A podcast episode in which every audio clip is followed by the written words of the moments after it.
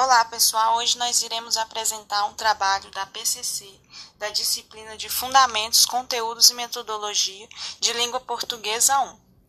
Nosso grupo é composto por Lorena Rodrigues, Maria Ivoneide Marinho Pereira, Milane Andressa da Silva Carvalho e Pamela Vasques.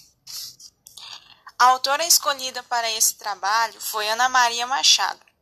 Irei falar agora brevemente sobre a biografia desta autora. Ana Maria Machado nasceu no Rio de Janeiro, na cidade de Santa Teresa, no dia 24 de dezembro de 1941. Ela foi formada em Letras Neolatinas em 1964 na Faculdade Nacional de Filosofia da Universidade do Brasil e fez estudo de pós-graduação na UFRJ. Ela teve várias profissões, entre elas professora, jornalista, radialista, escritora e teve uma livraria. Como jornalista, ela trabalhou para a revista Elle de Paris e no Serviço Brasileiro da BBC de Londres. Como professora, deu aulas na Faculdade de Letras, na Universidade Federal do Rio de Janeiro, Literatura Brasileira e Teoria Literária, e na Escola de Comunicação da UFRJ, bem como na PUC Rio, Literatura Brasileira. Além disso, Ana Maria fez parte do movimento de resistência dos professores no período da ditadura militar. Ela acabou sendo presa em 1969, após o ato institucional número 5.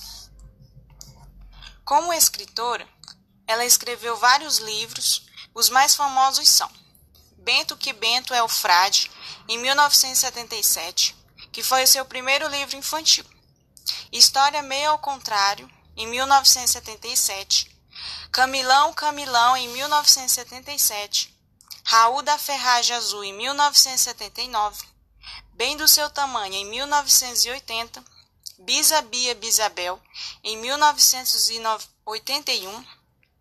A Jararaca, a Perereca e a Tiririca, em 1984. Menina Bonita do Laço de Fita, em 1986. Palavras, Palavrinhas e Palavrões, em 1986. Cadê a Mala, em 1988. Mico Maneco, em 1988. Tropical Sol e Liberdade, que foi um romance, em 1988. Doroteia e Centopeia, em 1994. O Mar Nunca Transborda, em 1995.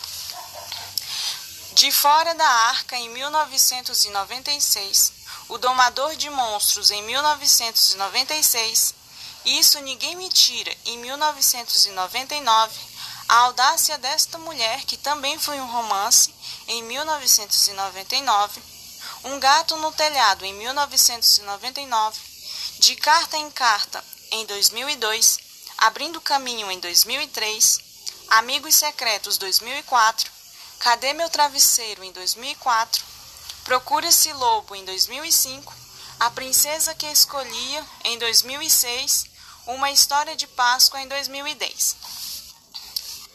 Ana Maria Machado recebeu várias premiações por seu trabalho. Menina Bonita do Laço de Fita. Ganhou menção honrosa do Prêmio Bienal de São Paulo, uma das cinco melhores obras do biênio em 1988. Biblioteca Nacional Melhores do Ano, Caracas, em 1995.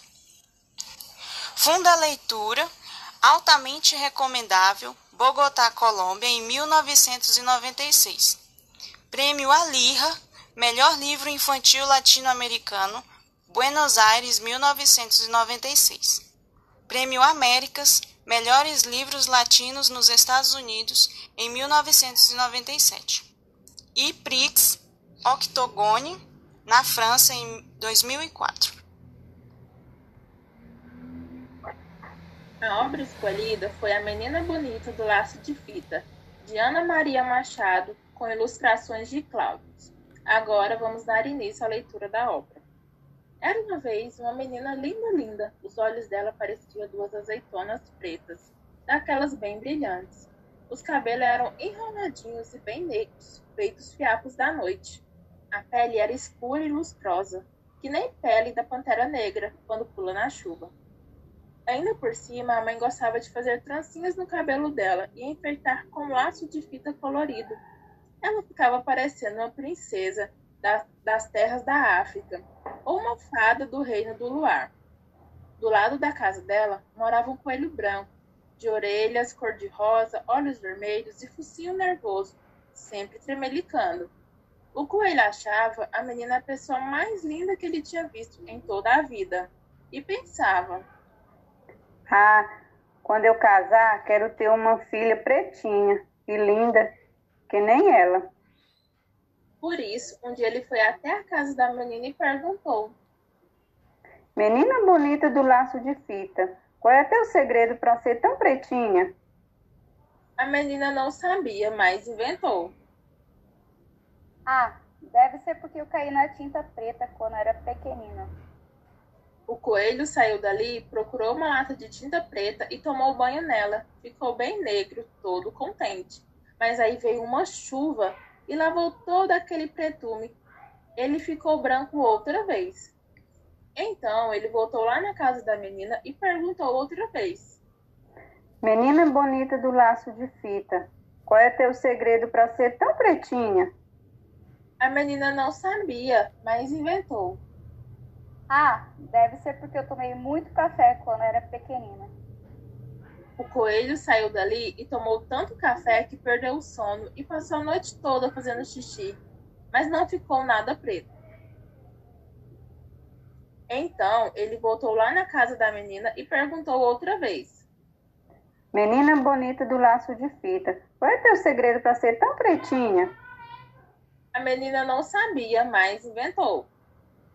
Ah, deve ser porque eu comi muita jabuticaba quando era pequenina. O coelho saiu dali e se empanturrou de jabuticaba até ficar pesadão, sem conseguir sair do lugar.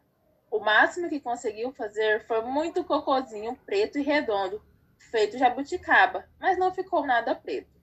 Por isso, daí a alguns dias, ele voltou lá na casa da menina e perguntou outra vez: Menina bonita do laço de fita, qual é teu segredo para ser tão pretinha? A menina não sabia e já ia inventando outra coisa. Uma história de feijoada, quando a mãe dela, que era uma mulata linda e risonha, resolveu se meter e disse: A arte de uma avó preta que ela tinha. Aí o coelho, que era bobinho, mas nem tanto, viu que a mãe da menina devia estar mesmo dizendo a verdade, porque a gente se parece sempre com os pais, os tios, os avós e até com os parentes tortos. E se ele queria ter uma filha pretinha e linda que nem a menina, tinha era que procurar uma coelha preta para casar. Não precisou procurar muito, logo encontrou uma coelhinha escura, uma noite, que achava aquele coelho branco uma graça. Foram namorando, casando e tiveram uma ninhada de filhotes, que coelho, quando desanda a ter filhos, não para mais. Tinha coelho para todo o gosto, branco bem branco, branco meio cinza, branco malhado de preto, preto malhado de branco, e até uma coelha bem pretinha. Já se sabe, a filhada da tal menina bonita que morava na casa ao lado. E quando a coelhinha saía de laço colorido no pescoço, sempre encontrava alguém que perguntava: Coelha bonita do laço de fita, qual é teu segredo para ser tão pretinha? E ela respondia: Conselhos da mãe da minha madrinha. Menina bonita do laço de fita, como é que você faz pra ser assim? Ô menina bonita que é tão pretinha, conta pra mim. Menina bonita do laço de fita, como é que você faz pra ser assim? Ô menina bonita que é tão pretinha, conta pra mim.